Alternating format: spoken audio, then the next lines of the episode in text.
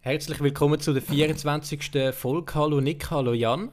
Hallo. Wir ähm, sind, sind gerade von Anfang an ganz transparent und sagen euch, liebe Zuhörer, dass das gerade die zweite Folge ist, wo wir da am Aufzeichnen sind. Wir zeichnen nämlich gerade hintereinander zwei Folgen auf, damit wir dann äh, hinaus ein bisschen weniger Arbeit haben. Wir machen es uns da einfach. Jetzt ist meine Frage. Haben die noch etwas zu erzählen? Oder haben in der letzten Folge schon alles erzählt? um da noch weiterhin transparent zu bleiben, äh, das haben wir nämlich noch nie gemacht, zwei Folgen hintereinander aufzeichnet. Und die Folge, die wir gerade vorher aufgezeichnet haben, die ist äh, House of Cards. Ähm, ja, können, können wir zurückschauen, wenn dann die Folge online ist, äh, dann wissen wir jetzt, wo das mal Vor zwei Wochen würde das dann... Ja, komm, Jan, ehrlich. Bin da schön im Schwätzen schön. Nein, ich meine, wir müssen ja eine Beziehung aufbauen zu unseren, zu unseren Zuhörern, oder? Mhm. Wir müssen ehrlich sein. Ehrlich also, sein zu wenn jetzt, wenn jetzt etwas weltpolitisch mega Spannendes passiert wäre, wo wir einfach müsste darüber reden, nehmen Sie es bitte nicht übel. Ähm, wir wissen nicht von nichts, wir wissen wirklich von nichts. Und vielleicht sind wir glücklich darüber. Vielleicht haben wir jetzt wirklich noch eine, Woche Glück.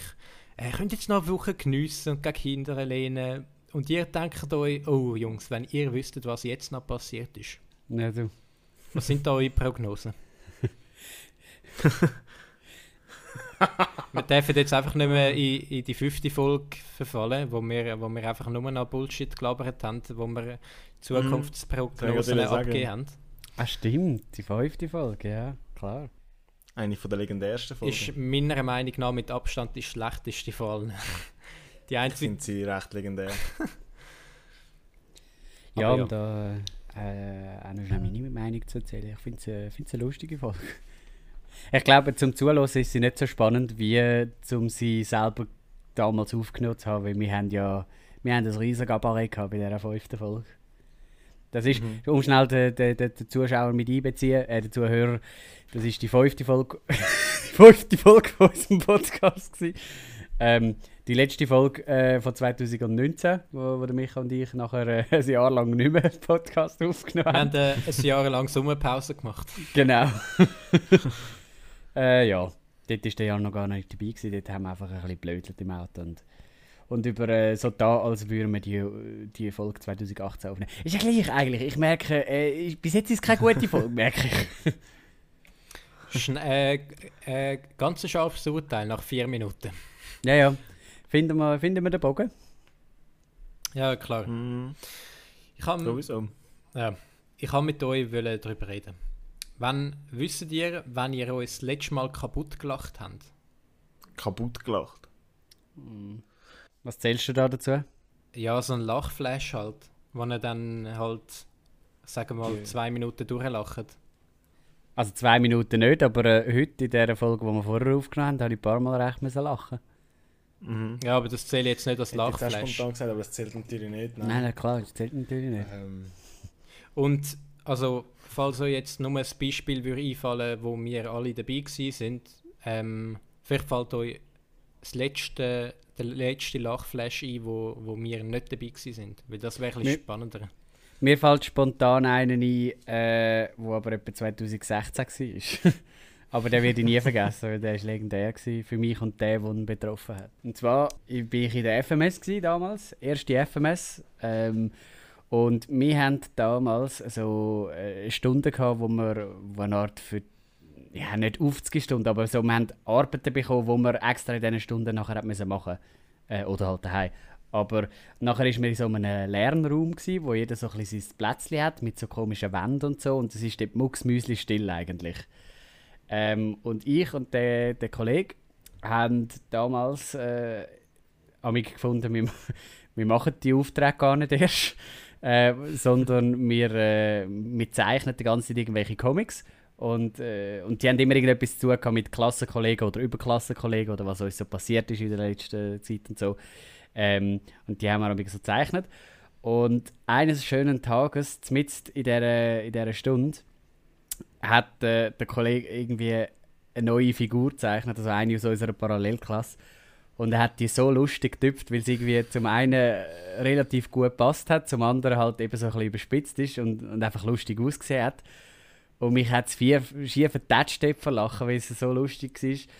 Äh, und weil es halt so ruhig war, ist es halt noch, hat es halt nur noch angeheizt, um, um loslachen Und äh, weil wir uns beide fast nicht haben können heben und ich glaube, die Hälfte von, der, von dem Raum hat es gemerkt, dass wir dort am Rumkichern sind, ist er dann äh, zu den Computer gegangen, die sind auf der ganz anderen Seite vom Raum gewesen, um sich zu beruhigen und die Computer sind gerade hinter der Lehrerin.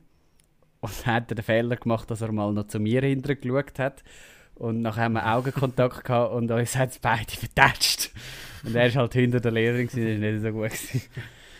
ja, äh, das ist so ein legendärer Lachflash, wo, ich, wo, wo mir immer wieder in den Sinn kommt, weil der, der ist wirklich gut gewesen. Ja, da gebe ich offen zu. Ich liebe das, wenn, wenn du einen Lachflash gehabt hast und nachher hörst du schon wieder auf mit Lachen und nachher ähm, hast aber nochmal Augenkontakt mit der Person, die ja, du voll. hast. Nachher musst du nochmal richtig dich zusammenreißen. Ich liebe das. Und meistens, also wenn ich Lachflashes habe, ich kann jetzt da nicht ein explizites Beispiel nennen, weil meistens ist es so, du musst halt dabei gewesen sein und wenn, wenn man es jetzt nachverzählen ist es gar nicht lustig. Ja, das habe ich bei aber, mir jetzt auch gedacht. Aber meistens entstehen doch die, die besten Lachflashes immer, wenn du eigentlich musst ruhig sein Also, wenn, ja, voll. Wenn, irgendwie rundum du darfst eigentlich nicht laut sein, dann, dann ist es immer am witzigsten, weil es halt so verboten ist eigentlich. Hast du da... Entweder dann, ja. entweder dann oder ganz, ganz spät am Abend. ja. einfach, es sind so, ich wüsste jetzt auch nicht explizit ein Beispiel, das ich erzählen könnte, wo mir jetzt gerade spontan in den Sinn gekommen wäre. Aber es ist doch immer so in Lager, so gegen Ende, wenn du spät aufbleibst, redest miteinander, dann erzählt irgendjemand einen dummen Witz. Und dann, wenn alle gelacht haben, ist doch einfach alles lustig. Mhm. mhm. Da kommt zum Beispiel einer zu der Tür rein und dann lachen alle aus keinem Grund. Niemand weiß, wieso dass man jetzt lacht. Der, der hier kommt, schaut um und geht einfach wieder. Das ist zum Beispiel etwas, was in einem Lager mal passiert ist. Dann ist er wieder gegangen und wir haben einfach weiter gelacht. Dann haben wir uns beruhigt. Dann ist einer aufgestanden, hat sich einen Kaffee rausgelassen, ist wieder angekocht und dann haben wir wieder alle gelacht aus keinem Grund. Das ist die also Übermüdungslache. Aber das ist. Ja, ja genau. Das finde ich eigentlich die, die besten mhm. Lachflashes. Die sind so geil. Aber jetzt aus so. Aus Gesprächen und so entstehen die so selten. Ja, aber irgendwie, die, die, also, die kommen doch so selten. Also selbst wenn man übermüdet ist, kommen die relativ selten, habe ich das Gefühl. Oder bin ich da zu wenig in so Lagergruppen unterwegs? Weil dann könnte ich dann stelle ich es mir sowieso nochmal lustiger vor. Ja, in dem Lager, wo das jetzt eben war, haben wir pro Nacht etwa zwei bis vier Stunden Schlaf gehabt. Und es ist so wirklich die zweite, letzte Nacht, ist glaube ich, oder die dritte, ist irgendwie so. Und dann sind wir wirklich all die ganze Woche schon komplett übermüdet gewesen. Mhm. Und ich glaube, das spielt schon noch irgendwo durch mit. Äh, und wenn du halt ja, in dieser Gruppe bist für eine Woche, dann hat das schon noch einen Einfluss. Es gibt halt immer verschiedene Arten, also verschiedene Abstufungen von Müdigkeit. Teilweise gibt es mhm. so die Müdigkeit, wo du halt einfach komplett, also es ist die geilste, wo du halt über alles kannst lachen, wo alles lustig ist. Und bei mir gibt es dann noch die Müdigkeit, wo ich dann einfach äh, labere und mir selber nicht einmal zuhöre. und teilweise auch, das ist mir in Miami passiert, zum Beispiel, ich habe jemanden schon eine Woche gekannt. Nachher bin ich mit dem nach, also nach Orlando gefahren mit dem Auto, bin dort mit ihm und einem anderen im äh, im, äh, wie heißt es, äh, so eine, nicht Disneyland, ähm, Universal Studios gewesen. Nachher sind wir zurückgefahren, also wir haben das ganze Wochenende verbracht. Und ich war so müde, gewesen, ich habe auf der Retourfahrt nicht mal mehr seinen Namen gewusst. Also ich habe den Namen sogar vergessen. also dann gibt es noch die Müdigkeit bei mir. Bei mir gibt es noch die Müdigkeit, wo, wo ich alles rundum ausblende. Ich gucke einfach so neu mit, die Augen so halb zu und dann spricht mir einer zehnmal an und beim zehnten Mal checke dass er eigentlich etwas will. Die Möglichkeit gibt es bei mir auch noch. Aber, weiß nicht. Wir haben mal, Die gibt es ähm, relativ selten eigentlich. Wir haben mal äh, von der Schule aus äh, äh eine Nachtwanderung gemacht. Gehabt. Und ich bin ja, ich glaube, das habe ich schon mal im Podcast erwähnt, ich schaffe, eigentlich habe ich noch nie ähm, eine Freinacht geschafft. Also wo man halt so die ganze Nacht wach bleibt und nachher am nächsten Tag auch. Außer einmal bei einem Dreh, aber dort habe ich dann einfach am nächsten Tag ein bisschen geschlafen. Gehabt. Und die Nachtwanderung, ähm, da sind wir halt die ganze Nacht umeinander geschumpelt, so durch, durch den Wald durch und so. Und das war auch nicht für sich noch mega cool, gewesen, weil am nächsten Morgen so ein Gefühl habe ich also so, noch selten erlebt, wo ich einfach, einfach meine Augen nicht mehr mag offen behalten Und dann sind wir am Morgen hm. sind wir in dieser hohen Schule angekommen und sind nochmal in Stuhlkreis gesessen. Warum auch immer um, um Erde Gottes Willen wir dort noch in Stuhlkreis gesessen sind. Ich konnte die Augen nicht mehr offen behalten. Dann habe ich manchmal einfach so ein Auge offen gehabt und mal das andere und so. ich habe ich ha früher nicht mehr so gedacht aus dem Film, das ist ja so. Äh, also, so wenn jetzt der Mr. Bean da irgendwie seine, seine Augen mit irgendwie Klebe offen behalten oder so. Aber das habe ich wirklich auch gehabt dort, dass ich es einfach nicht hergebracht habe. Und nachher sind wir im Zug auf der Heimfahrt. Ich bin irgendwie alle 10 Sekunden wieder eingeschlafen und zum Glück in jeder Station oder in fast jeder ist, ist jemand wieder ausgestiegen und hat mich wieder geweckt. Und dann habe ich es dann mit, mit Ach und Krach noch geschafft, ähm, aus dem Zug rauszugehen. Und nachher ist, ist mich, glaube äh, mein Daddy ist mich dann holen mit dem Auto und dann äh, bin ich also gerade weg für die nächsten paar Stunden. Das mit dem im Zug einschlafen ist mir einmal passiert, als ich auf Wädenschwil in meine Zivildienstschule haben musste. Ähm, ist so die Morgenmüdigkeit. Und dann hat es so vier oder fünf Haltestellen hat's, glaub, von Pfäffiker Schweiz aus. Und bin auch immer wieder so ein bisschen eingeschlafen und aufgewacht, eingeschlafen, aufgewacht und dann gesehen, ah, dort vorne ist der Bahnhof, wo ich muss raus. Ich kann jetzt aber noch schnell hocken bleiben. Eingeschlafen, aufgewacht, oh, Bahnhof ist vorbei. ich mache das einmal immer im Auto. Dann, dann, dann nochmal einschlafen, aufwachen. oh, die, die, meine Ausfahrt ist vorbei. Mist, jetzt muss ich bis nach Basel. einschlafen, ausschlafen, VW! nein, aber ähm, im Zug bin ich bis jetzt auch erst einmal eingeschlafen. Also, nein, also, wo ich dann außersehen zu weit gefahren bin wegen dem. Bin ja beim, bei der Hinfahrt in unsere Ferien bin ja auch mal kurz eingenickt. Ähm, bin ich vorne gesessen, glaube und habe die Füße auf dem Armaturenbrett oben gehabt. Uh. Und jetzt stehe ich nämlich den Bogen zu, was mittlerweile schon etwa drei Wochen her ist, aber ich habe ja letztens, den, also wo wir aufnehmen, letztens den Schleuderkurs gemacht. Und da haben sie uns so ein Crash-Dummy-Video gezeigt von jemandem, der die Füße oben hatte. Und ich dachte, gut, nie mehr habe ich die Füße dort Nie mehr. Und du hast nur schon müssen sehen, dass dort, wir haben zuerst ein anderes Crash-Dummy-Video geschaut vom Airbag. Und dann hat er schon gezeigt, quasi, dass der Beifahrer dort die Füße oben hat und wir auch schon, oh, oh, oh. oh. so. Er hat es gar nicht erst müssen zeigen Es gibt so eine geile Filmszene im Film Dead Proof von Quentin Tarantino. da gibt es so einen Autounfall. Und die hat dort auch äh, die Beine auf dem Arm. Ich glaube, die hat Beine sogar aus dem Fenster. Und, und äh, der ah. Unfall ist gefilmt von irgendwie sieben Perspektiven und wiederholt sich immer wieder. Um den Unfall von einer Ach, anderen Perspektive zu zeigen. Das ist so, so geil gefilmt. Muss mal, hat mich jetzt mhm. gerade daran erinnert, muss mal reinschauen. das ist gut. Vorher ist mir die ganze Zeit äh, noch durch den Kopf, jetzt habe ich gedacht, äh, man kann es ja gleich erzählen. Ähm, noch zum Thema so ein bisschen lustig, äh, Lachflash und so. Wir haben ja mal äh, eine Zeit lang für ein Animationsfilmfestival haben wir äh, du Micha, du gähnst aber auch eins die ganze Zeit. Thema Es ist ja schon halb zwei danach, gell? Ähm, Jetzt wäre es eben gut, wenn ich einfach ununterbrochen würde labern. Gerade für einen Podcast wäre es doch perfekt. Richtig. Also mach. Ja, stattdessen bin ich, bin ich so ins Mikrofon am Gähnen und ich habe momentan so ein Hundegähnen. So. ah, erzähl deine Geschichte äh, für ein Animationsfilmfestival sind wir am Start. Ja, genau. Das Joker. Oh, mir kommt dann auch eine Geschichte in den Sinn. Vielleicht erzählst du jetzt die, die ich im Kopf habe. Äh, hoffen wir es doch. Animationsfilmfestival, dort haben wir äh, viele, viele Sitzungen immer wieder gehabt. Und äh, erzähle ich dir. Ich glaube. Ähm, haben wir viele Sitzungen immer wieder gehabt. Und Micha und ich haben irgendwann so keinen Bock mehr auf die, auf die Sitzungen gehabt, weil es immer so stier war. Da haben wir haben halt äh, Statuten angeschaut und so. Und ich habe doch damals nicht mal gewusst, was ein Statuten ist.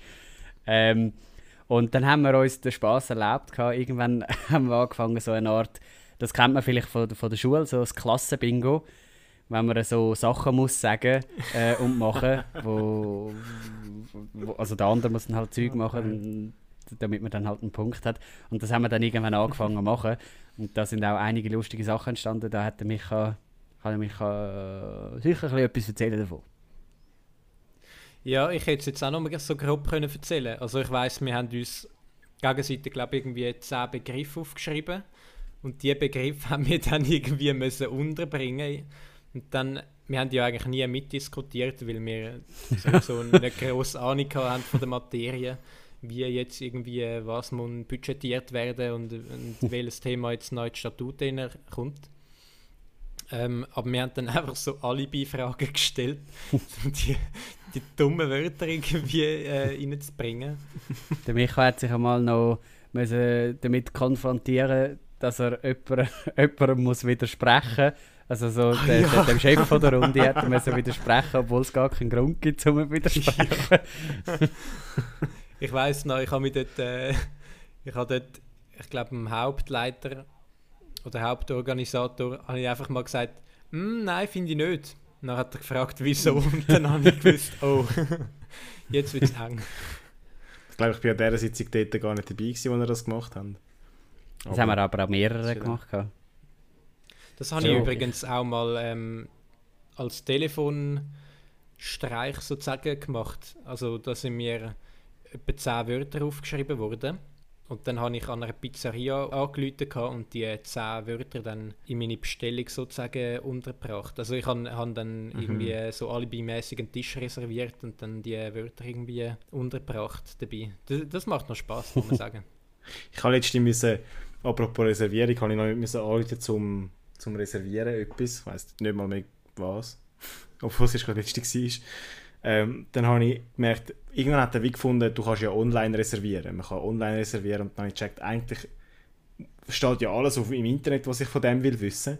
Und dann habe ich einfach nochmal dreimal nachgefragt, um einen, nerven. Ich checkt, mein Telefon ist so unnötig, da könnte es doch eigentlich lustig machen für mich, wenn ich schon dabei bin. Aber wann haben sie jetzt genau offen? Und, und ich komme genau zu ihnen. Welche Ausfahrt muss ich nehmen, wenn ich von Luzern herkomme, wenn ich nicht mal in Luzern wohne? mein, mein Kollege von Zürich, wo, wie muss der kommen? So eine Viertelstunde mit dem Typ am Telefon gewesen.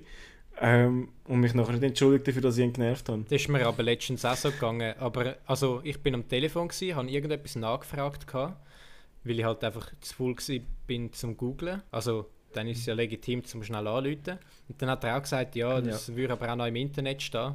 Nachher, aber das hat mich dann richtig genervt. Dann habe ich mir irgendwie gesagt, ja, ich habe es jetzt angerufen.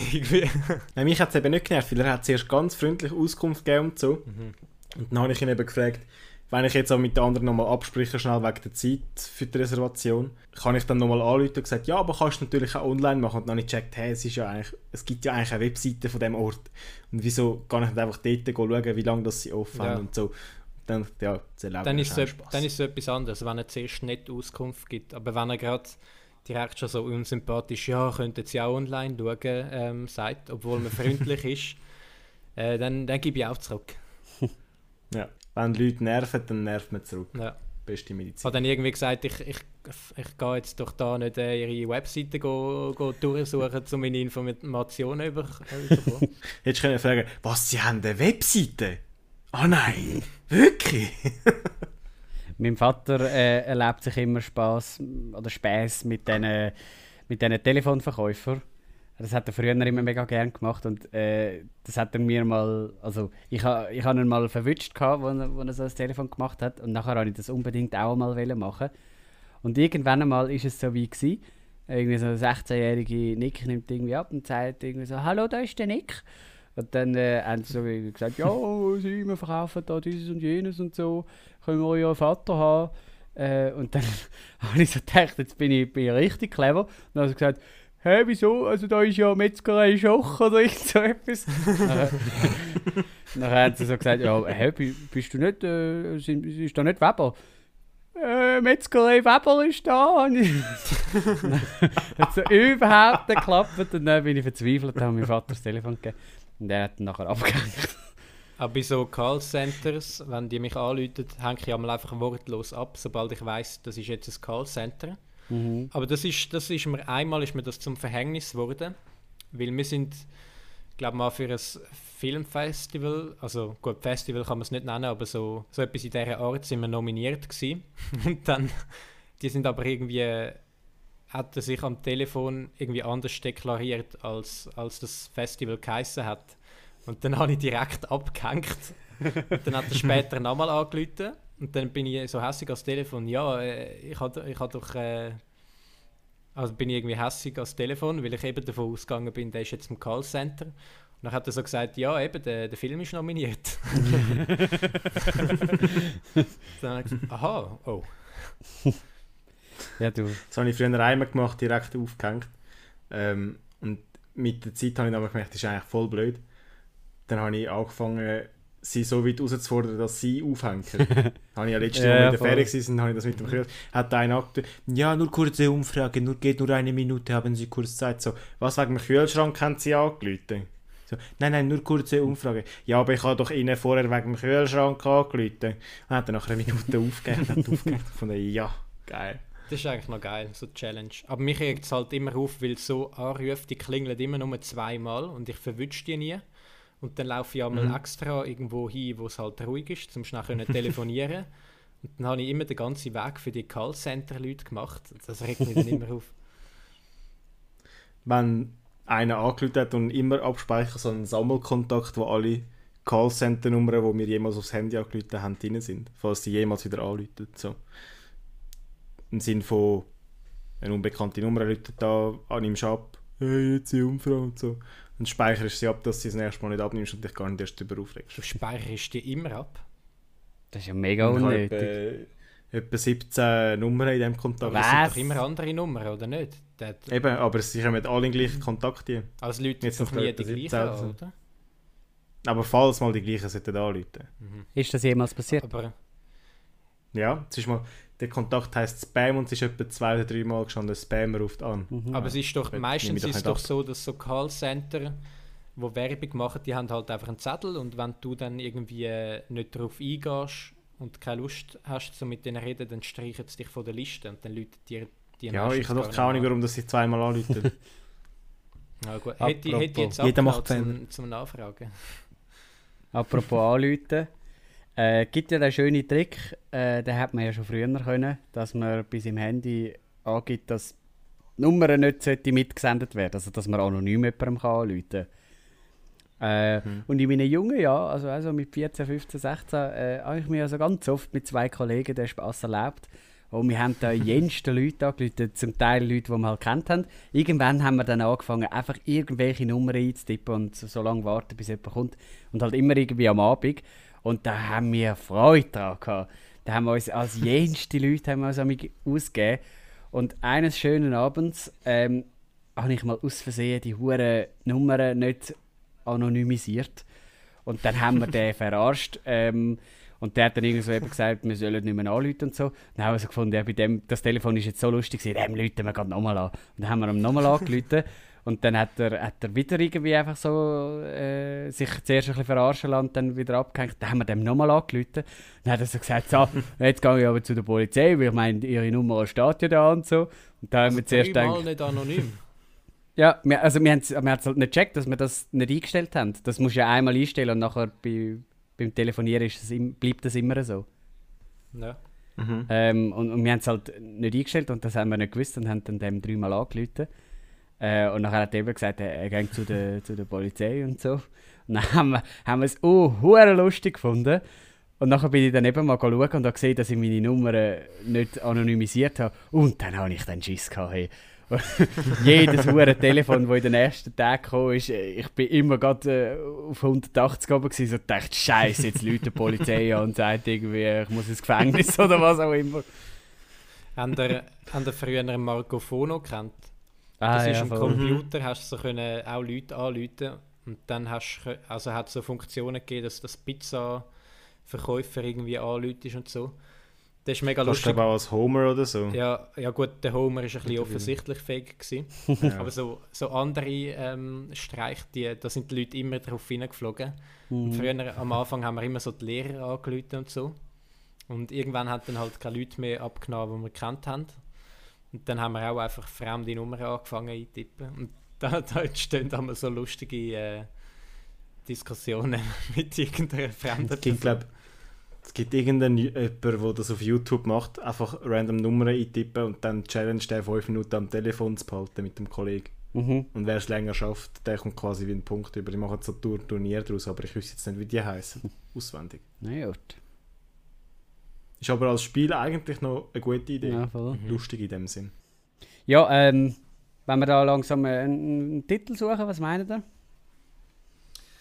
Etwas mit Lachen oder ähm, Telefonieren. Telefon, ja. Ah, The Call. Die Erfolgname The Call. Klar. So ein geiler Film. Ja. Welcher so Film? Call. The Call.